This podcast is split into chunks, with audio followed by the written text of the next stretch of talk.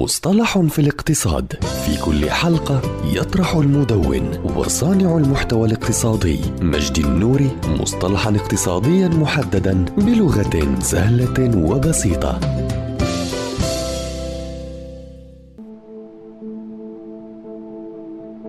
الاستراتيجية الوطنية. هي مجمل الخطط البعيدة المدى لتطور الدول في مختلف المجالات وحمايتها من كافة الأخطار واستعدادها لمواجهة المستقبل، وهي تشمل خططا اقتصادية وصناعية وزراعية وعلمية وإنسانية وعسكرية وصحية، وتستند هذه الخطط على حساب ثروات البلاد واحتياجاتها وطرق الحفاظ عليها وتغطية هذه الحاجات وخلق طاقات بشرية من مواطنيها قادرة على قيادة دفة الأمور في المستقبل، كما تهدف إلى الارتقاء بمستوى الحياة في البلاد وتخفيف حدة الطوارئ التي قد تحدث بعمل حساب لها والتخطيط لمواجهتها، وبعض الدول قد تغطي خمسين عاما باستراتيجياتها الوطنية أو أكثر، وتترك الخطط الاستراتيجية مجالا للتكتيك، وتترك الخطط الاستراتيجية مجالا للتكتيك من خلالها، ولكن على أن لا يتأثر المسار الرئيسي للدولة.